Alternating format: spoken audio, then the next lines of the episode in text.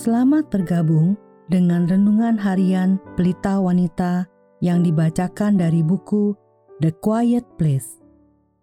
Pembacaan Alkitab hari ini diambil dari Filipi 1 ayat 3 sampai 11. Aku mengucap syukur kepada Allahku setiap kali aku mengingat kamu. Dan setiap kali aku berdoa untuk kamu semua, aku selalu berdoa dengan sukacita.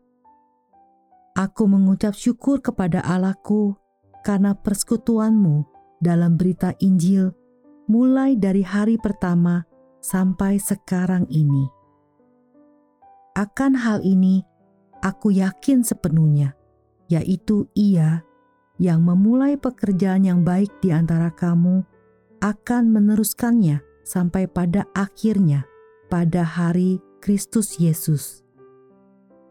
Memang sudahlah sepatutnya aku berpikir demikian akan kamu semua, sebab kamu ada di dalam hatiku.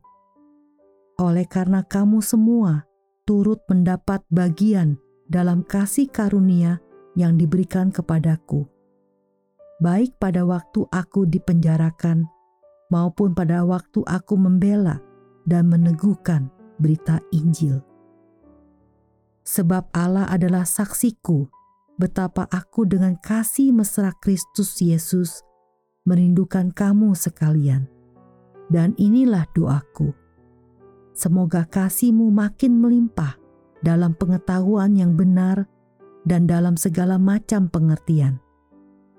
Sehingga kamu dapat memilih apa yang baik, supaya kamu suci dan tak bercacat menjelang hari Kristus, penuh dengan buah kebenaran yang dikerjakan oleh Yesus Kristus untuk memuliakan dan memuji Allah.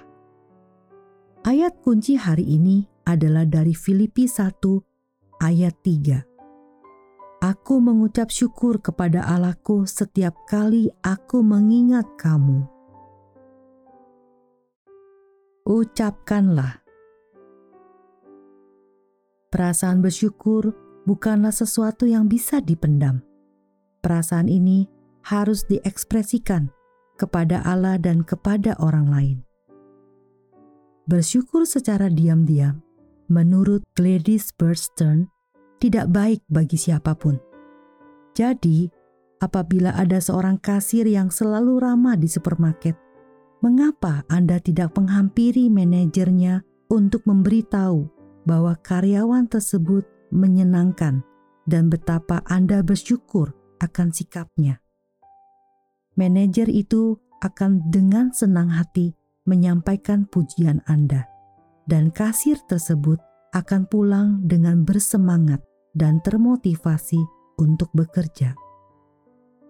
Apabila tanaman bunga milik tetangga selalu menarik perhatian Anda setiap kali Anda masuk ke pekarangan rumah Cobalah untuk menghampirinya dan beritahu bila Anda mengagumi usaha kerasnya untuk merawat kebun rumahnya dan bagaimana kebunnya menjadi semakin indah setiap tahunnya.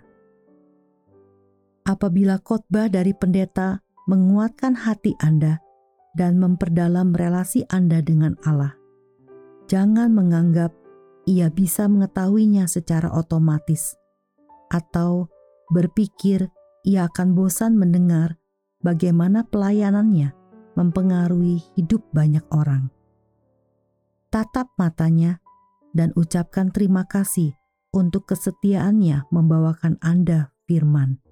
Atau tuliskan kepadanya beberapa hal spesifik dari yang ia katakan yang benar-benar berbicara kepada Anda.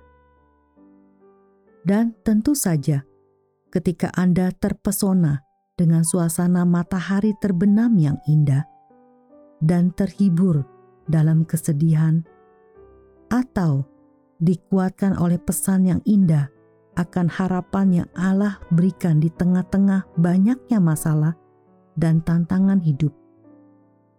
Jangan biarkan pujian Anda hanya terngiang-ngiang di dalam kepala, tetapi ucapkanlah kata-kata pujian dan syukur yang diucapkan memiliki kekuatan untuk menghilangkan suasana berat atau depresi yang membebani Anda. Apakah Anda bosan, merasa tidak bersemangat, dan terbeban? Cobalah berbicara. Sebagai penutup, mari kita renungkan pertanyaan ini. Hal-hal apa saja yang dapat menghalangi kita memperhatikan dan mengekspresikan apresiasi terhadap berkat yang telah kita terima dari Allah dan orang lain? Mintalah Allah untuk memberikan Anda mata yang dapat melihat berkat-berkat tersebut hari ini, dan rencanakanlah untuk mengambil waktu untuk mengucap syukur.